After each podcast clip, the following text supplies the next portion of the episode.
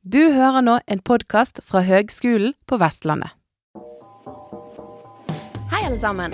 Jeg heter Anne Sofie Bjelland, og jeg er opptatt av bærekraft i bygg og by. Byggenæringen er i endring, og den vil endre seg radikalt de kommende årene når vi strekker oss etter å nå klimamålene. Det er utrolig mye som skjer samtidig.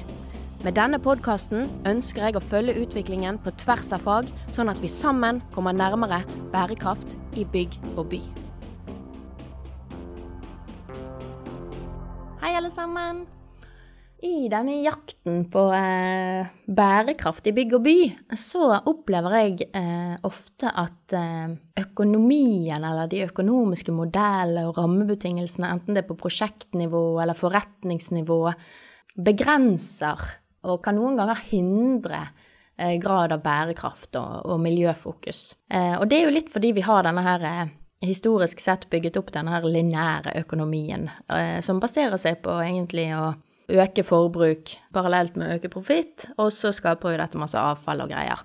Og dette gjør både på prosjektnivå og på eh, si bedriftsnivå. Så hvordan kan vi vri disse her økonomiske rammeverkene våre til å heller fremme bærekraft.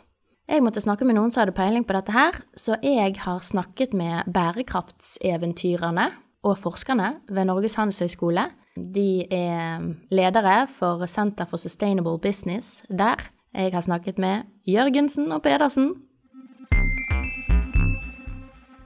Hallaien, Lars og Sveinung. Hallaisiken. Hallaien. Først må jeg si tusen takk for at dere har lyst til å være med i uh, denne podkasten. Um, vi må begynne litt med dere, sånn at vi blir litt kjent med dere. Hva er bakgrunnen og, og, og rolle der dere er i dag? Jeg har jo fotsoneterapi i bånn, og så gikk jeg Nei, det, utrolig, det hadde egentlig vært mye bedre enn mye av det annet jeg har. Altså. Men eh, bakgrunnen vår, hva skal vi si der, Lars Jakob? Ja, Godt spørsmål. Vi, eh, vi, er jo to enkle bedriftsøkonomer. Vi, eh, vi møtte hverandre for 20, snart 20 år siden, Sveinung. Ja, og det, det må bety at du, du, er gammel, du, da. Kjærlighet ved første blikk. Ja, ja. Og, vi har aldri sett oss tilbake. Nei. Forut, forut. Nei, vi, vi gikk faktisk sammen på Norges handelshøyskole på siviløkonomutdanninga den gangen. Men der traff vi aldri hverandre. Men når vi var ferdig, da tenkte vi at det var på tide å treffes. Så da var det en en medstudent av oss den gangen som introduserte oss for hverandre, akkurat når vi begge to var i gang med doktorgrad, hvert vårt sted. Eh, og da møttes vi på et doktorgradskurs i det som vi i dag kaller for sirkulærøkonomi. Den gangen kalte en det for kretsløpsøkonomi. Det var mm. oppe i Bodø. Og da fant vi ut at det var moro å jobbe sammen. Og derfor så har vi forska sammen, og vi har eh, etter hvert uh, fått arbeidssted samme sted. Vi leder et senter som heter Center for Sustainable Business på Norges handelshøyskole. Uh, og i tillegg så forsker vi i tett samarbeid med bedrifter. Vi rådgir bedrifter, vi sitter i styret til store og små virksomheter, og vi lager podkast sånn som du. Og så, når vi ikke gjør det, så ser vi på fotball. Utrolig bra. Kort og greit oppsummert. Veldig bra. Eh, jeg har jo hatt litt lyst til å prate med dere. og Grunnen er at sant, fokuset i den eh, podden Bærekraftig bygg og by, det er jo eh, tekniske løsninger og ting som kommer, eller får oss litt nærmere nettopp bærekraftig bygg og by. Men eh, det er et stort bakteppe, og det er jo pengene. Eh, som på en måte legger en del føringer. Så, så, jeg trengte å snakke med noen som har litt peiling. og vi må begynne på et litt sånn overordnet nivå, tenker jeg. Altså, hele tiden så skal vi ha eh, profitt, eller liksom, og vekst. Det står til og med i FNs bærekraftsmål. Vi, altså vi, vi, må begynne liksom der. Må vi virkelig hele tiden ha det? Kan dere si litt om liksom hvorfor det? Og kan, kan man liksom Jeg vet det finnes noen som har argumentert for limits to growth eller eh, nullvekst. Eh, Hvilke problemer er det det gir oss? Hvorfor kan ikke vi bare gjøre det? Lars Jakob dro jo linjene tilbake til gamle dager her da vi, da vi møttes. Så vi er jo da enkle bedriftsøkonomer i bånn, ikke sant. Så vi, vi er oppdratt og, og, glad i å se verden fra bedriftens ståsted. Eh, og så gikk vi da fra dette kurset kretsløpsøkonomi inn i doktorgradene våre og skreiv og lurte og, og øh, fikk enda flere spørsmål enn da vi begynte. Så ut av det så tenkte jeg at det var greit å skrive en bok. Da. Så vi skrev vår første bok uh, for ti år siden nå. Den het da 'Ansvarlig og lønnsom'. Yeah. Så hos oss så ligger liksom lønnsomheten ganske sånn tett inntil hjertet vårt, samtidig som vi vet at det er veldig vanskelig, og at det byr på mange problemer. Så når vi da skal prøve å forene ansvarlighet og lønnsomhet Ansvarlighet vil jo ofte bety ting som koster penger, og som ikke nødvendigvis eh, beriker deg. Mm. Det er rimeligere å, å, å lage klær med, med barnearbeid i, i, i, verdikjeden, særlig hvis disse barna er effektive. ikke sant? Det er, det er, mange måter å tjene penger på som er langt fra ansvarlige. Og så bevegde vi oss da i vår historie så mot bærekraft mer generelt som et, et fenomen. Og så som du sier, der er jo økonomi en, en del av det. Eh, og, og, denne veksten da, ikke sant, på et overordna nivå. Men oss da, for, for bedriften, så har vi på en måte slått oss litt til ro med Og det kan være feil, men vi har slått oss litt til ro med at bedriften må tjene penger. Akkurat som alle oss tre har lyst til å liksom ha pensjon når vi blir eldre så er det ideen om at vi investerer i noe som blir større over tid. Men mm. når vi da skal samtidig da forholde oss til en, en, en jord med knappe ressurser, eh, hvor det ikke er sirkularitet, hvor vi graver opp for mye, vi brenner altfor mye gass og kull og olje og slipper ut masse karbon som er på, på rømmen eh, mm. ute der, som vi er nødt til å fange og nødt til å, å slutte med. Eh, og så har vi da bedriftspraksiser, enten det går på det sosiale eller som går på det miljømessige, som da ødelegger mer enn det skaper. Så nei, vi, vi har jo ikke løst det. Og vi, vi, vi, er jo ikke samfunnsøkonomer som jobber med det på et sånt overordna nivå. Vi har gode kollegaer vi som er kjempeflinke, og som driver og utfordrer den der ideen om et ikke-vekst. At det er umulig å få til vekst i et lukka system. Eller for å si det på en annen måte, som vår, eh, vår professor eh, Jacobsen sa i, i, i Bodø på dette kurset. Han sa vi trenger å gå fra en eh, cowboyøkonomi hvor vi alltid kunne gå lenger vest og finne nye ressurser, til en romskipsøkonomi hvor vi tok hensyn til at det, er et sett med ressurser. Ja, vi får sol inn med energi. Ja, det skjer en regenerering på jorda, så det vokser og gror. Men når vi bruker dette er feil, eh, og, og tror liksom at vi kan vokse i et lukka system som dette romskipet jorden er, da, ja, da, da vil vi feile. Men, men, vi lever i et spenn der, og jeg, jeg, Lars Jakob kan sikkert svare mye bedre enn meg på presist på det, men jeg, jeg, vi slites litt. Det er litt sånn paradoks, akkurat som ansvarlig og lønnsom. Er, vi leker jo litt med paradokset, på en måte. Eh, og vi er jo der hvor vi utforsker dette her og leter etter løsninger. Vi, vi har dessverre ikke funnet alle sammen. Skjønner, skjønner. Men, men, det har jo kommet eh, ett begrep da, som, som, vi må tygge litt, og det er grønn vekst. Altså, det er jo et forsøk på å i hvert fall gjøre økonomisk vekst innenfor et eller annet. Eh, hva, hva kan vi si om grønn vekst? Altså, hva er det? Jeg vil i hvert fall tenke på det sånn, eh, nå skulle vi jo hatt vår gode venn Per Espen Stoknes på, på BI, som, som, jo har skrevet både bok om dette og, og forska på det i, i mange år. Og, og jeg tror, Hvis jeg husker Per Espen sin definisjon rett, så er jo grønn vekst at han definerer det som økt verdiskapning med mindre samla miljøbelastning, eller noe i den duren. Og, og, slik som jeg og Sveinung pleier å tenke på dette, altså Per Espen han er jo mer av en systemtenker enn oss. Som, som Sveinung er inne på, så er jo vi bedriftsøkonomer, og vår analyseenhet på en måte er ofte forretningsmodellen. altså en bedrift har en eller flere forretningsmodeller, og den på en måte er liksom omdreiningspunktet hvor denne lønnsomheten kommer fra, men også hvor fotavtrykkene kommer fra. Fordi at Valgene du tar som bedrift, de leder til noen fotavtrykk, og de valgene er ofte knytta til forretningsmodellen.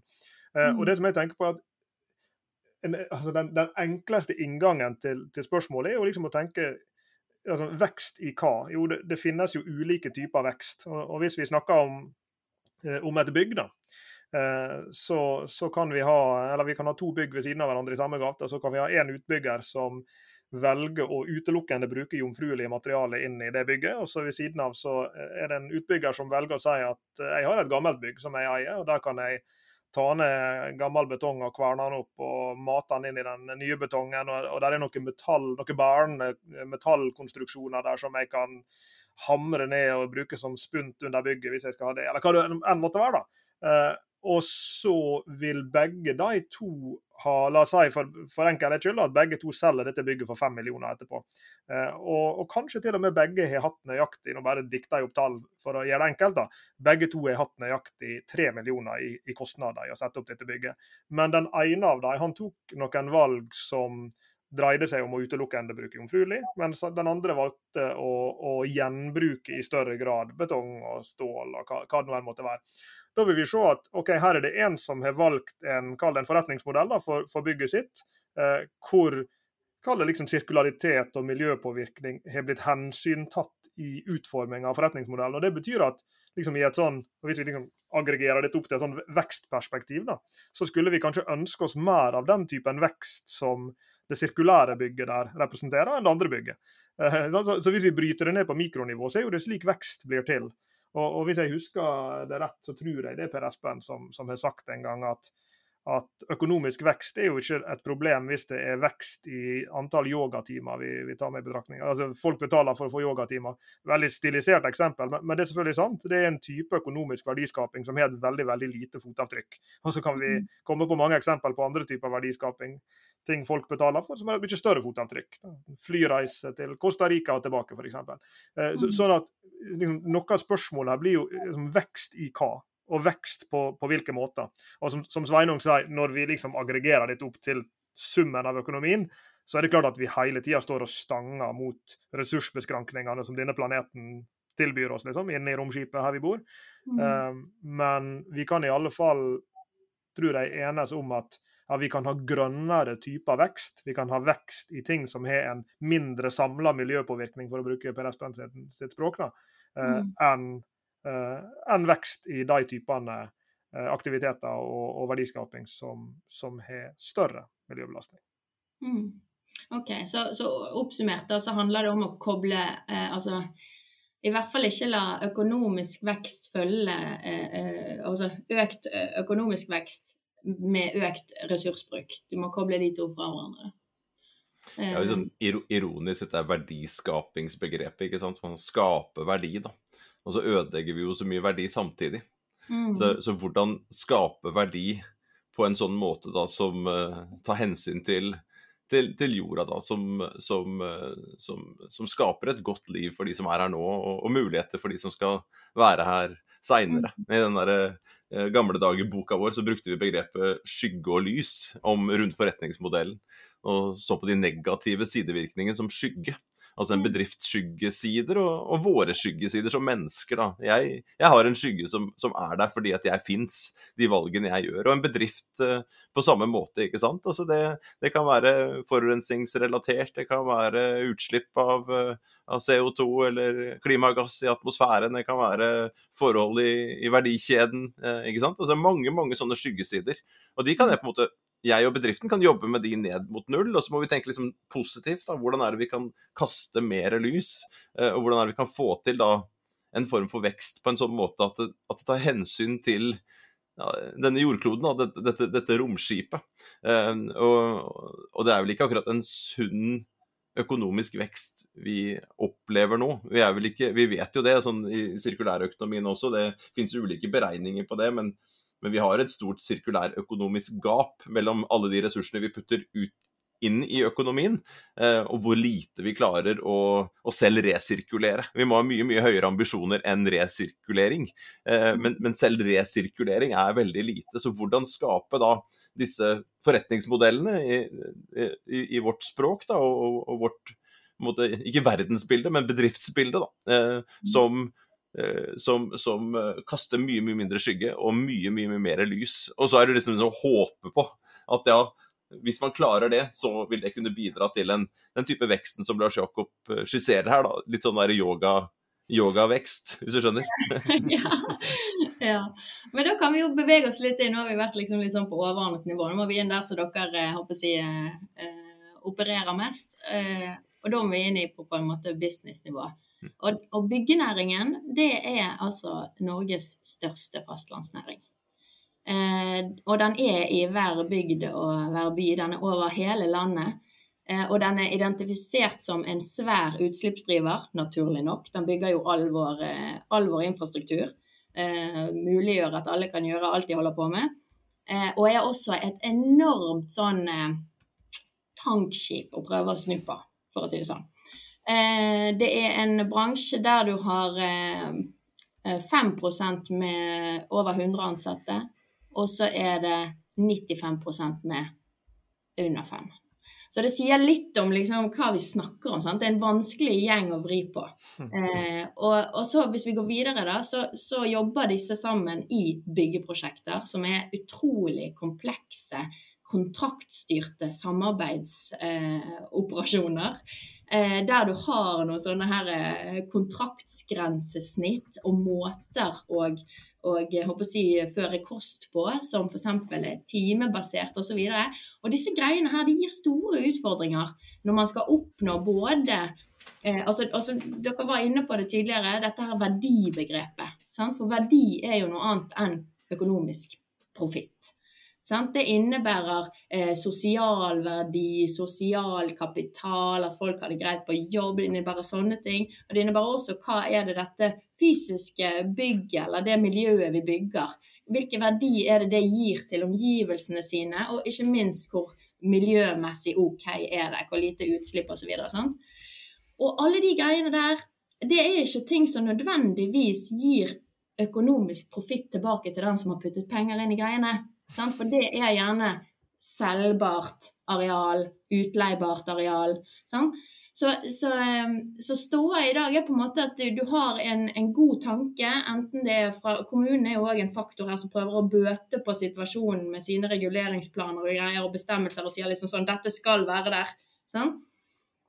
Eh, men så, så, kan du se i prosjektene at man gjerne går ut med gode, flotte tanker. Og det er en utrolig imponerende bransje med utrolig mange gode initiativ og ønsker om å få ting til. Men jeg syns liksom veldig ofte så blir prosjektene litt sånn eh, Altså de blir skrelt og kvelt av sine kontraktsmodeller. Eh, så det er en utfordring. Men nå er vi på liksom sånn kontraktsnivå. Sant? Eh, samtidig så skjer det utrolig mye gøy i forhold til at man jobber med å få opp eh, disse sirkulære verdikjedene. Sant? Og det er foreløpig litt sånn eh, hurraarbeid fra de som har ressurs til å avse et menneske, på en måte. Der man sitter og drodler på hvordan man skal klare å lage det, og hva trengs for at vi skal kunne kalle noe et donorbygg, som kan gi fra seg byggematerialer eller liksom avhende det til en demonteringsentreprenør, som videreformidler dette til et nytt bygg osv. Det er jo helt nye greier som, som ikke finnes i dag. Eh, men given er der, på en måte. Men det krever jo nye forretningsmodeller. Mm. Og det var derfor jeg tenkte vi må ha oss en prat.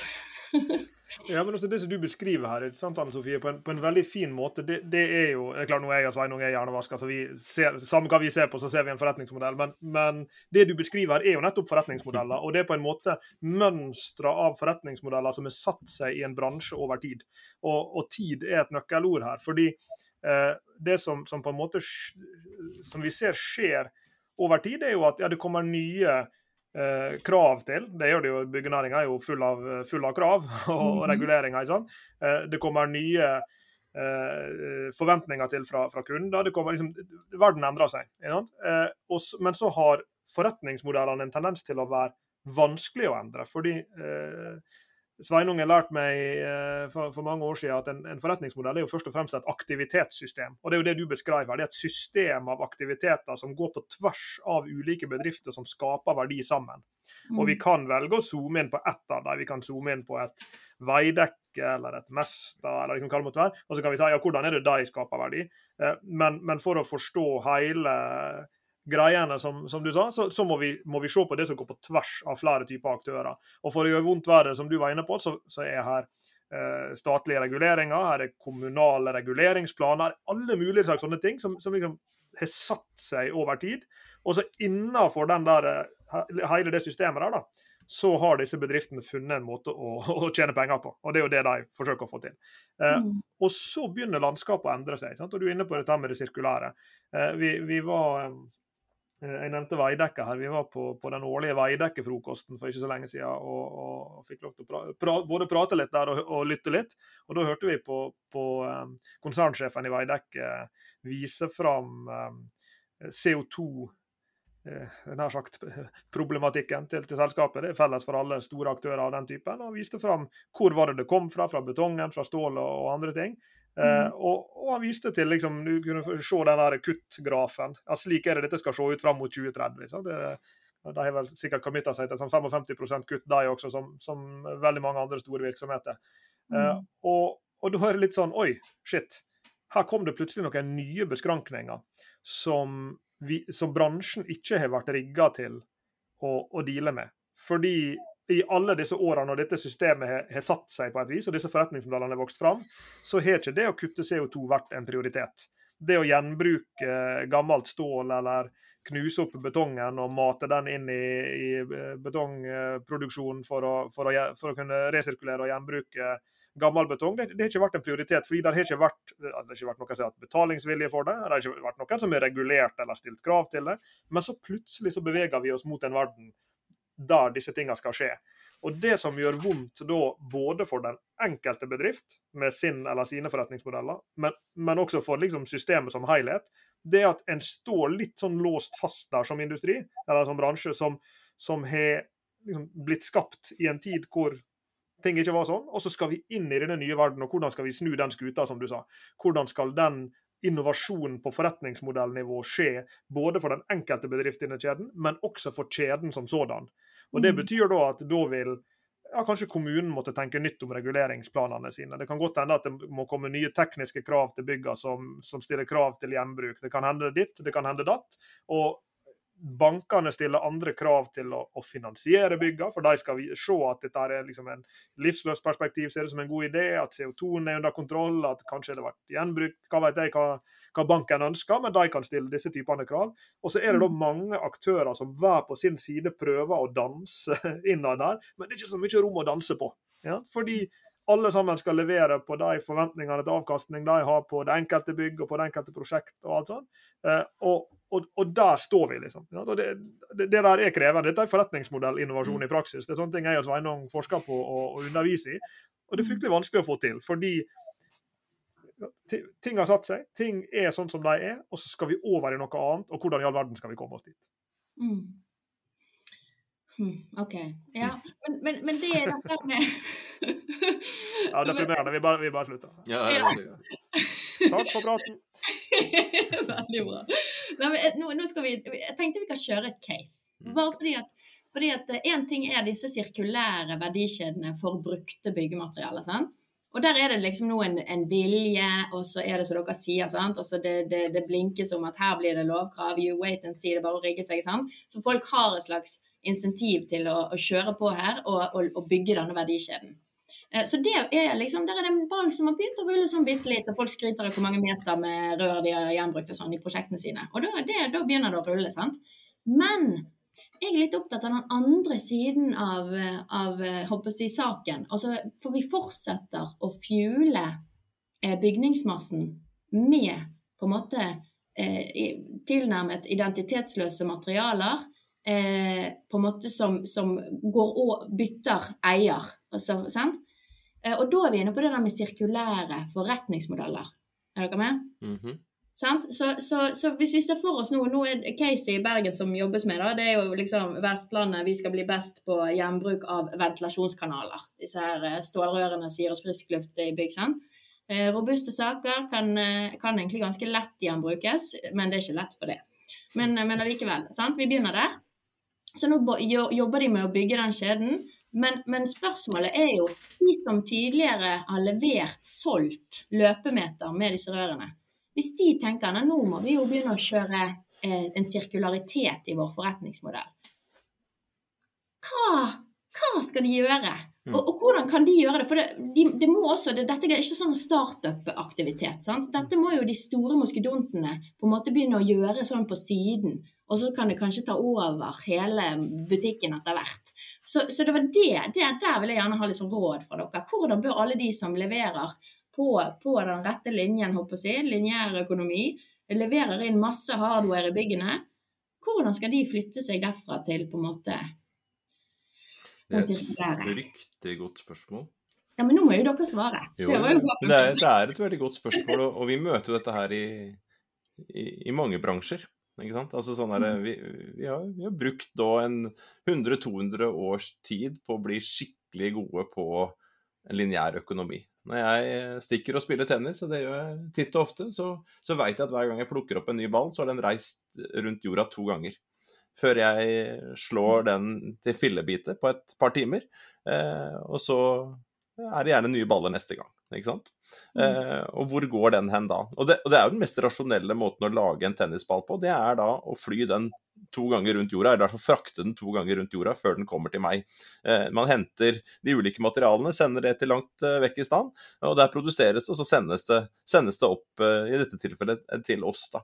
Eh, så sånn sett har vi, vi har blitt fryktelig gode på Og det er kjempeeffektivt, og det er lønnsomt, men så har det disse nedsidene. og så skal da alt fra disse tennisballprodusentene til disse rørgigantene som du snakker om her, da, legge om til en annen type virkelighet, hvor det ikke er da eh, pris per meter og, og, og, og salgsprisen som nødvendigvis er viktig, men man skal begynne å tenke liksom ja, hvordan kan vi bruke disse rørene lenger på, på nye måter? Hvordan kan vi designe nye rør, sånn at, eh, at, de varer lenger, bruker mindre ressurser når de blir lagd. Og hvordan skal vi få dem tilbake igjen i loopen. ikke sant? Så dette er liksom alt fra den liksom bitte lille dumme tennisballen til disse svære eh, tingene som du nevner. Vi møter det overalt, og det betyr jo at man må det vi kaller redesigne hele forretningsmodellen.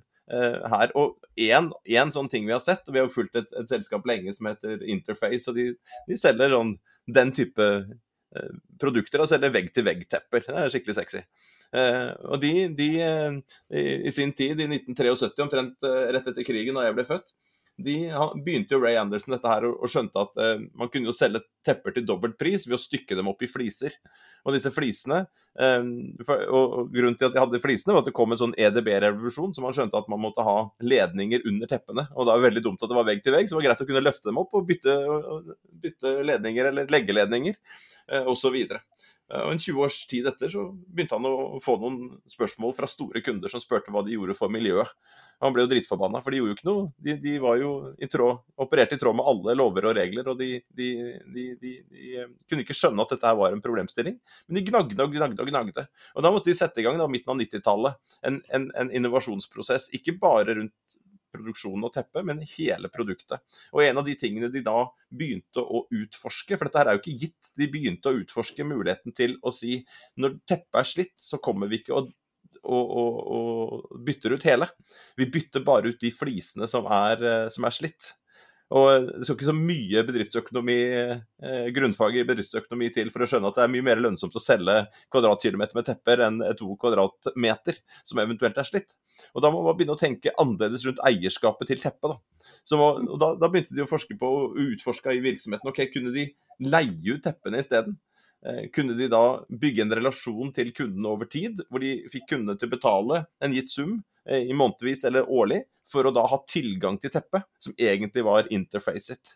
Og Jeg sier ikke at det er løsningen for alle de stakkarene. Jeg mener virkelig stakkarer altså, som skal vri om sine forretningsmodeller i bygg og anlegg. At nei, fra nå av så er det bare å leie ut. ikke sant? Det er bare én, én mulighet. men det som er felles for alle sammen, at de må begynne å utforske og, og tenke nytt omkring hvordan de skaper verdi for flere. Eh, hvordan de kan gjøre det ved å slankere, altså med mindre, mindre ressursbruk. Hvordan de kan få, lage produkter og også forretningsmodeller som får det til å vare lenger. Så at du kan tjene penger da, hver gang du enten selger eller leier ut et sånt rør til et system. ikke sant? Og også det mm. hvor du kan få det tilbake igjen og bruke det enten som rør eller på, på nye måter. Ja, for hvis, du, hvis jeg uh, følger opp, da, så, så, er jo ikke dette noe ukjent for, uh, for folk som, som, eier og drifter bygg rundt omkring. Fordi at den forretningsmodellinnovasjonen der som, som Ray Anderson og, og Interface sto bak på på midten av 90-tallet, den har jo blitt adoptert og, og liksom kall det oppdatert og, og, og, gjenskapt av veldig mange andre. og Kanskje den mest eh, liksom berømte versjonen av han i dag er jo, er jo Philips sine lysinstallasjoner. ikke sant? Og Det er jo et hopetall av bygg både her til lands og, og i utlandet, og ikke bare bygg, det er tunneler og det andre sted, hvor Philips leverer lys men de leverer lys som en tjeneste. ikke sant? Og Det blir jo en, en parallell til det du er inne på med, med røra. og det er liksom, sånn sett ikke noen grunn for at du ikke skal kunne overføre den til, til røra, men, men, i et sånn forretningsmodellperspektiv da, så begynner en alltid å stille noen sånne kontrollspørsmål.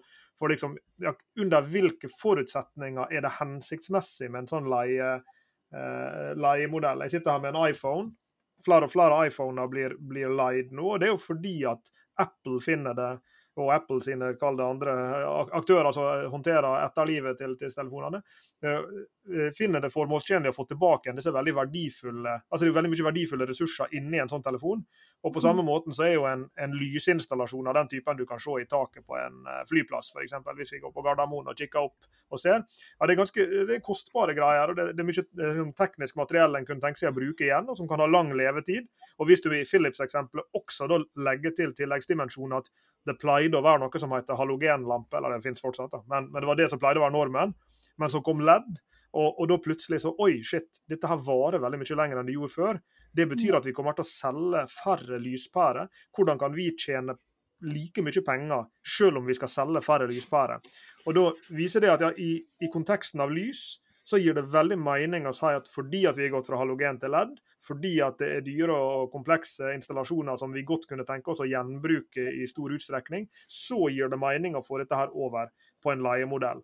Og så er det nok ikke alle ting. Der er nok en grense for hva du burde leie ut. Vi snakka med en asfaltprodusent nede på Sør-Vestlandet en gang som drev og lurte på om man burde begynne med asfalt som en tjeneste. Og det, Kanskje, kanskje ikke. Jeg er ikke sikker. Jeg vet ikke noe om produktet, jeg vet ikke noe om markedet. Men, mm. men, det er bare for å si at noen typer produkt, iPhone, lysinstallasjonene til Philips, og som Interface har vist oss også da vegg-til-vegg-tepper på, på, hotellet, ja, de mm. funker i en sånn as a service-modell. Og så kan mm. det godt hende at det er sant for ventilasjonssystemer også. Jeg og Sveinung mm. gikk faktisk bort på Hadeland og tråkka inne på en eh, ventilasjonsfabrikk her for ikke så veldig lenge siden. Jeg vet ikke om de laga rør, eller om de bare laga Jo, hele systemet. Ja, hele systemet. Ja. Trox, trox på Hadeland. Trox på Hadeland. Uh, og, og, og, de diskuterte vi jo nettopp disse typene as a service-modeller med. For det er klart at ve veldig mange uh, aktører som, som, driver industriskalaproduksjon av ting som skal inn i bygget, inn i hjemmet vårt, inn i bilene våre, inn i livet våre, de, eh, de, de, snuser jo på disse tingene her mm. fordi de også står overfor lignende typer krav til mm. sirkularitet, lignende typer krav til gjenbruk. Eh, mm. Og, og, lignende typer krav til, til, innovasjon mer generelt. Men jeg, jeg bare, bare, hopper inn, for vi, vi, snakker fremdeles om verdiskaping. ikke sant? Og, og som Lars Jakob sa, disse forretningsmodellene som aktivitetssystemer. Som er designa for å skape verdi for flere aktører. ikke sant? Og så er det noe som må kapre noe verdi her også. Det er, ikke, det er ikke bare å bake en større kake, men man må også kapre en andel av det, apropos lønnsomheten i det, for å kunne drive videre. Um, så den, sånn for, en, for en uh, aktør som Trox, da, f.eks., når man er inne der og ser på disse nye, nye fabrikkene så En ting er den nye fabrikken, en annen ting er jo all den forskninga som skjer på fabrikken. Uh, hvor man da tester Uh, ulike typer ventilasjonssystemer, ulike typer settinger, for å, for å, se hvordan det fungerer. Og da er det jo ikke lenger bare et rør. Så mm. hvordan skal man da ikke bare produsere vinduer, eller bare produsere betong, eller bare produsere, bare produsere, bare produsere, bare produsere rør? Nei, man må også legge til verdiøkende kalle tjenester knytta til det. Og det er jo ikke utleie den eneste veien. Så for alle disse aktørene, det å kunne designe f.eks. nye rør sånn at de er lettere å bruke på nytt igjen. Eh, mm. vi ser jo det i den fabrikken vi nevnte der, så, så lager de jo stedspesifikk ventilasjonssystem når bestillinga kommer. Så den er jo lagd for, for, for, for, hvordan det skal være. Så det er jo ikke bare bare å, å ta dette som du sa i stad, og bruke det på nytt igjen. Liksom. Men hvordan mm. er det man kan bidra inn til å skape mer verdi, bake en større kake for mm. alle? ved å legge til eh, tilleggstjenester, tilleggs, eh, altså verdiskapende dimensjoner her. Det er en kjempeutfordring. Dette her, som sagt, det her møter vi overalt. Om det er sjømatindustri, om det er byggnæring, eller om det er eh, altså, sånne fast moving consumer goods, som det heter på, på engelsk, som vi har jobba mye med. Det å mm. se på de eksisterende verdikjedene, eksisterende måten å skape og ødelegge verdi på, og så tenke OK, hva er det vi kan gjøre annerledes her? Og, og hvordan, mm. kan, hvem skal vi samarbeide med? Hva skal, hva skal, leveres til hvem? Hvordan skal dette her gjøres i praksis? Så det er, det er, det er en kjempeutfordring. Det er, det er ikke noe enkelt. Men hvis man skulle gått fra på en måte selge noe med femårsgaranti ferdig, sant? Mm altså gått over til at eh, OK, vi gjør det som en tjeneste, eller dere leaser det, eller et eller annet, men vi skal i hvert fall ha det tilbake etter hvert. Eh, så tenker jeg, Hva er konsekvensen for altså forretningsmodellen? Jo, du får jo, For det første får du et betydelig mye lengre perspektiv. Du får plutselig en driftsinteresse. Men du får, altså, rent sånn pengemessig så må jo du, du må ha mye større investerings kapital. Mm. Og så, ha, så, får du etter hvert mange følere ute som gir deg litt, men langsiktig inntekt. Så du får jo en forutsigbarhet som er mye bedre. Um, Altså, men, men, da er den store barrieren for at noen skal begynne med dette her, det er jo egentlig at du må ha den svære investeringspotten. Så du må ha bankene med på lasset. Mm.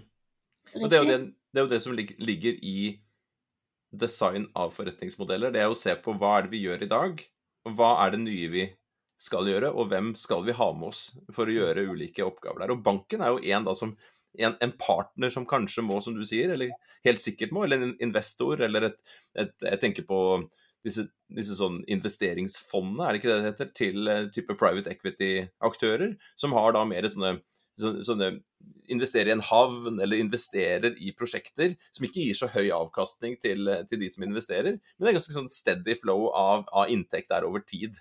Det er jo en sånn type aktør for eksempel, da, som kunne vært med i en sånn koalisjon av interessenter, da, for, å, for, å, bruke sånn høytidelig språk. Altså bli med inn og gjøre dette her mulig. Så du må tenke nytt der. Bankene, som du sier, eller andre kilder til finans. Så er det ikke sikkert at man skal leie ut. Det kan jo hende man skal selge det, som du sier, med en, en garanti. da. Um. Og at uh, Tilbake til Hadeland. Alfa sko, som da ønsker å, å selge en sko som du kan ha livet ut. Det krever at kunden betaler mer. Det krever at de klarer å industrialisere reparasjon og service på skoen. Så eh, deres avtale nå går på åtte års garanti eh, hvis du da har skoen inne på service. Så da kommer den inn på service, og så blir den på en måte oppgradert og, og, og, og gjort noe med før du får den tilbake. Og I prinsippet så skal den da kunne vare hele livet ut. Den er dyrere for kunder å kjøpe, og du må få med deg kunden inn i, det, inn i den historien og si at ja, dette har jeg lyst til å være en del av.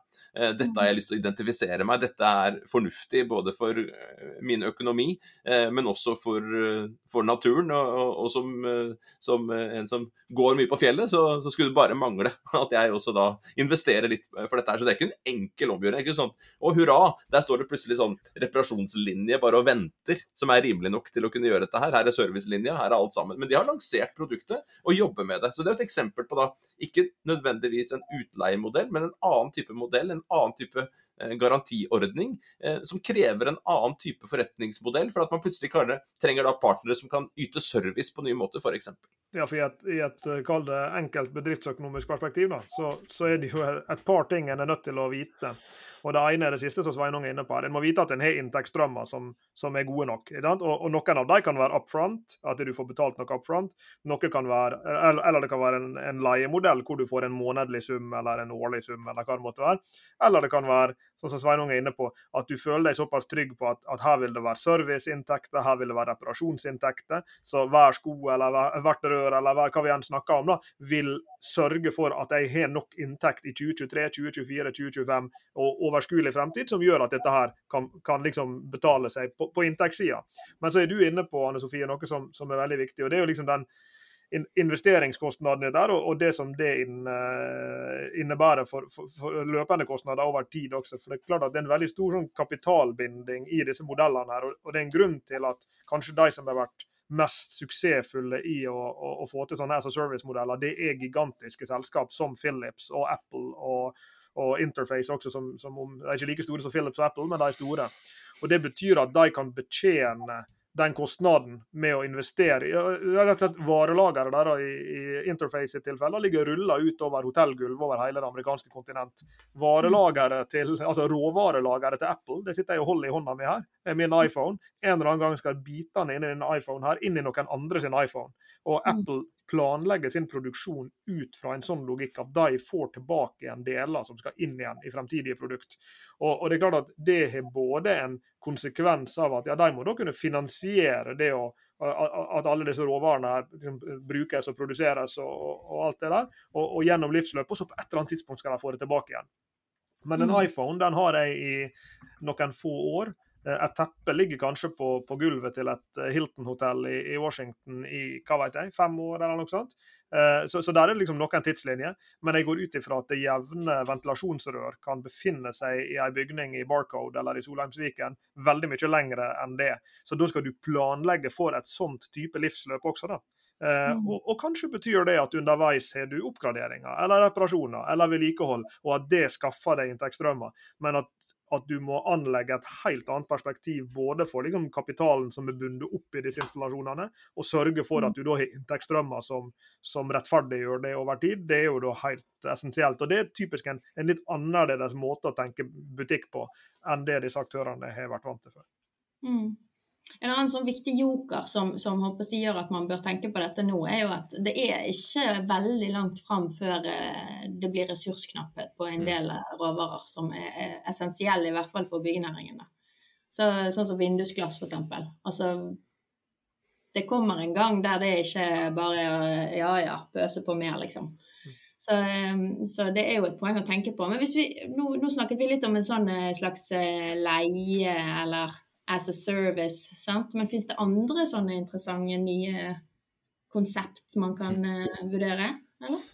Jeg, jeg vet ikke om det er råd til å si sånn på en, eh, en, en, en podkast, men uh, det kan jo redigeres bort. Så jeg, jeg prøver meg.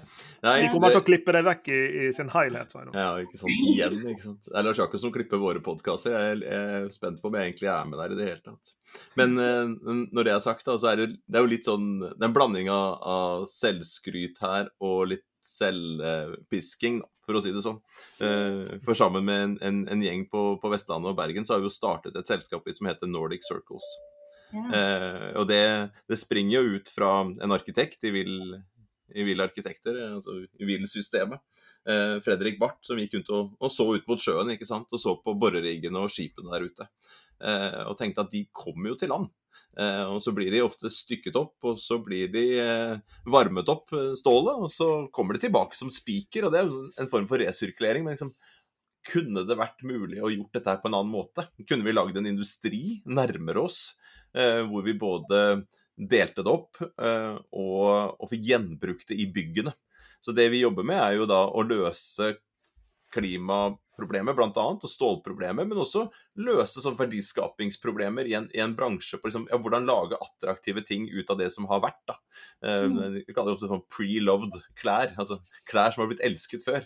Her, her bruker vi den beste stålen, ikke sant? og så skjæres opp og, og, og speltes om, og, og gjenbrukes. Eh, eller resirkuleres. Men hvordan er det vi kan er det mulig å oppsirkulere det? Er det mulig å tenke nytt, da? Eh, og vi har mange prosjekter og, og allerede avtaler inne på og skal selge bryggefronter og sånne gamle skip. Og vi, vi eier et par tonn med kjendisstål, som vi sa før, men nå er det jo opp Det er jo Helge Ingstad som, som vi eier skal, skal gjenbruke. Eh, og en av tingene, og det er jo en sånn usynlig del av bygget, ikke sant? det er jo all spunten eh, det, som blir banket ned. ikke sant? Og, og tall på det viser at en, om lag 28% av et byggs klimagassutslipp, da, det kommer jo fra spunten. Og det er ingen som ser det. Og de fleste, Det er ikke så mange sånn som deg som nikker eh, anerkjennende når man sier høyt spunt. ikke sant? Det er jo, det er jo virkelig noe ingen har. Du skal være rimelig nerdete for å ha et forhold til det som skjer under bakken. ikke sant? Eh, og vi vet jo at null nullhus i dag, det, det krever jo at du har en, en, en 60 års horisont med tiltak på enøk, tiltak på, på solenergi osv., som gjør at du kan nedskrive da, det klimautslippet som er der i utgangspunktet. For det er jo skyhøyt. da. Så her er en sånn helt sånn praktisk måte å, å, få, få skåret opp disse, disse skipene på en sånn måte at du kan banke da ikke jomfruelig stål ned i bakken, men stål som har, eh, som, som, som, som har blitt brukt og vært elsket en, en gang før, og, og, og gjort nytte av seg absolutt.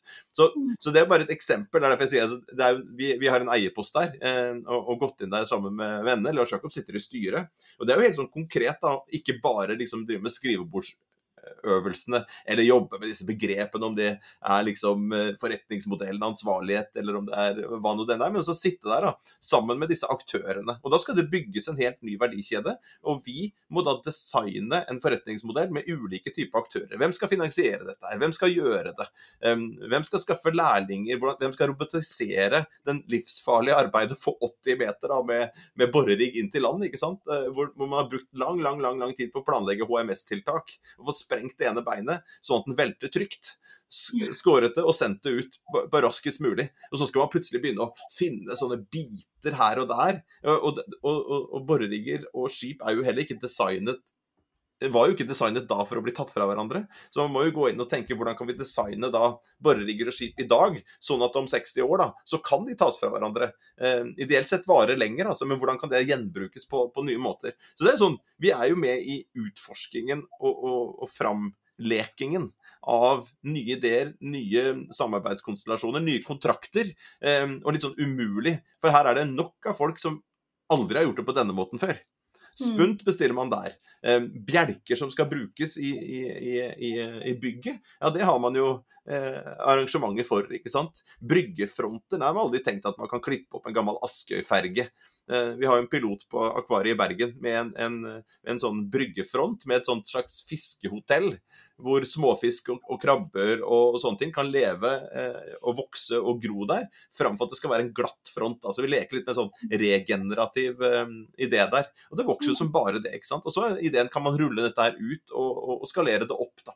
Så, så du, du, du, spurte meg om, eh, om, om, det finnes noen andre måter. Ja, og her er jo et eksempel på noen andre måter. Ikke den eneste måten, det løser jo ikke alle problemer, men det krever jo at folk i bransjen og folk utafor bransjen da, eh, tenker og se på liksom, hva er problemene med dagens praksis, og hvordan kan vi endre den praksisen. Eh, og, og, og, hva er det som skal til, hva er det som må være sant for at vi kan få til dette her i praksis. Mm. Utrolig gøy, da. Jeg må bare spørre rent sånn praktisk, hvem er det dere eh, holder på med disse svære greiene? da?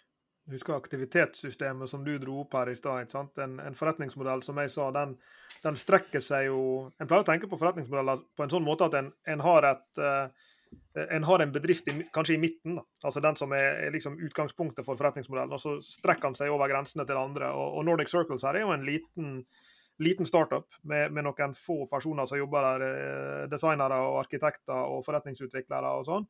Eh, men Nordic Circles har jo ikke stålvalse eller noen kjempestore sakser som du kan klippe opp et skipsdekk med.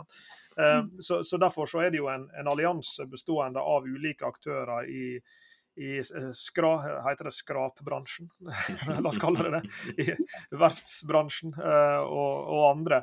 Så, så, det er jo liksom en konstellasjon av en litt avhengig av prosjektet, fire-fem uh, ulike bedrifter da, som jobber sammen for å få dette her til. Og Da skal jo en forretningsmodell da fungere sånn at alle sammen får noe ut av det. Så de, de, får betalt for, for, sin del, de får sin del av kaka, da, mm. enkelt sagt.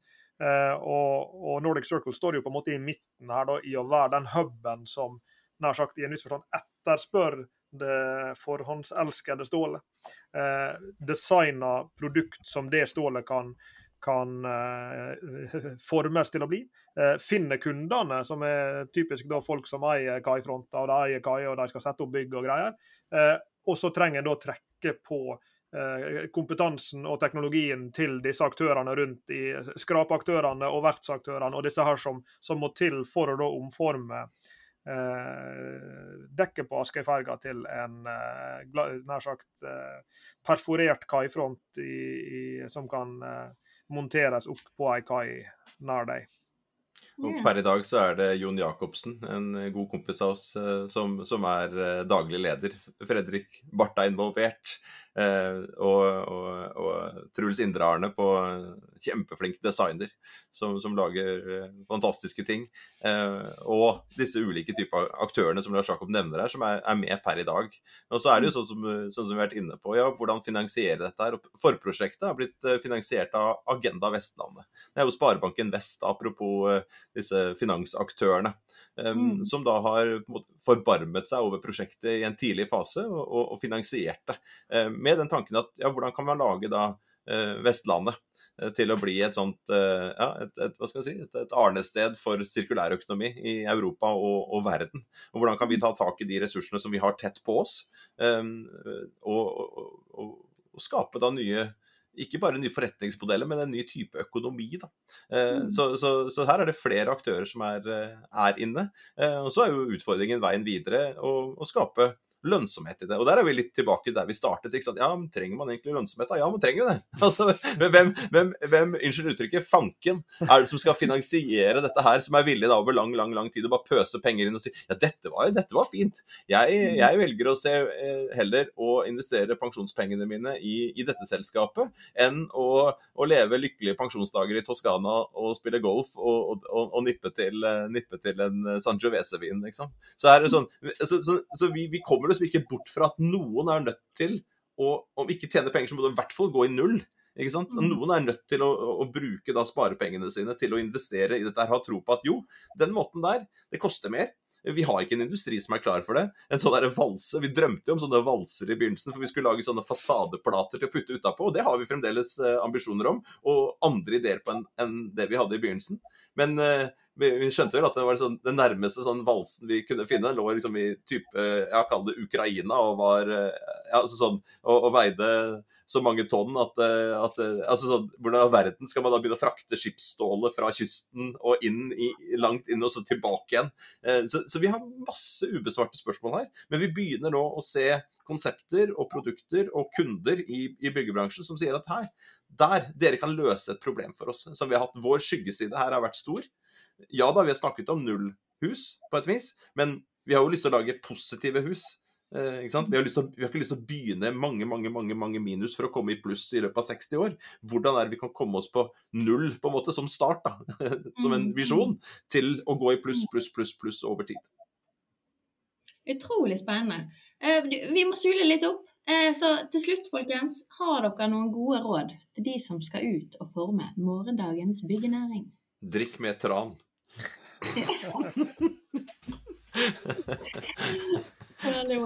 Altså, jeg tror at, at uh, innovasjon det, det, starter jo alltid der du er. Ikke sant? Altså, så, så en, en, ordentlig erkjennelse av liksom nå-situasjonen, og det å virkelig forstå det aktivitetssystemet du beskrev i stad, det er jo helt nødvendig for å kunne endre det. Uh, vi hadde en verdenskjent arkitekt på besøk på Han er ikke bare arkitekt, men han er det i bånn. Uh, William McDonagh var på NHH forrige uke og holdt en gjesteforelesning. Han var på Vestlandskonferansen dagen etterpå. Eh, og han har jo laga alt fra liksom eh, eh, til YouTube og med, med, gress på taket, og til Ford med, med solceller på taket, eller er det motsatt? Og han har bygd den her NASA plusshusbasen der borte som som er designa av de samme folka som lager satellittene ute i verdensrommet, for, for, å lage det perfekte, positive sånn miljøpositive bygget. og liksom, Har vært vant til å tenke store, radikale tanker. Da, eh, og, og, klart også å virkeliggjøre dem ute i, ute i felten. Eh, og Han var jo litt der at liksom, vi, vi, må slutte å tenke inkrementelt. Vi må slutte å tenke at vi liksom skal ta, ja, gjøre ting litt, grann, eh, litt mindre dårlig. Slippe ut litt mindre CO2 i morgen og liksom lage litt mindre avfall i morgen.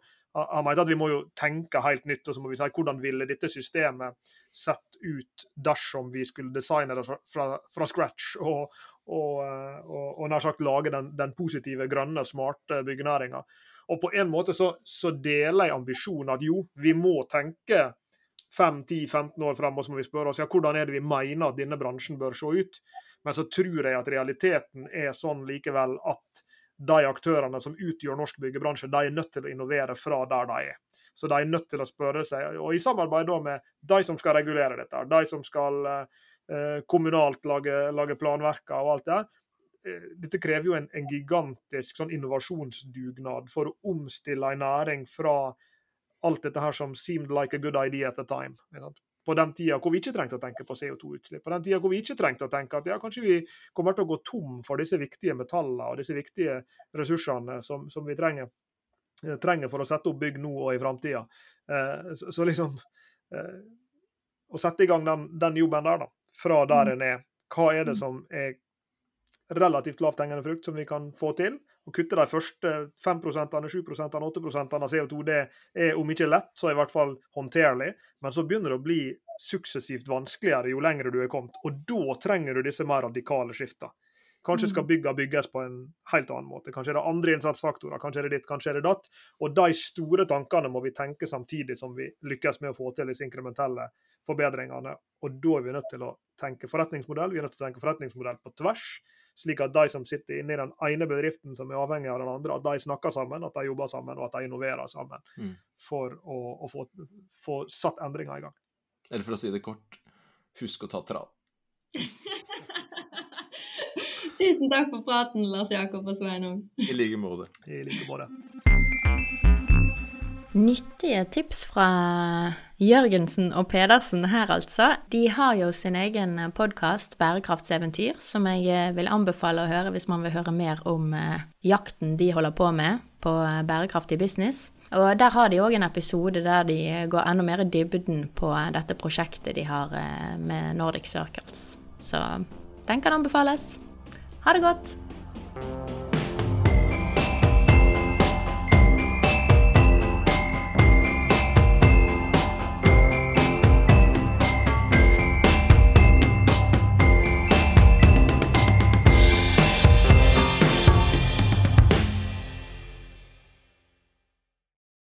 Du har nå hørt en podkast fra Høgskolen på Vestlandet.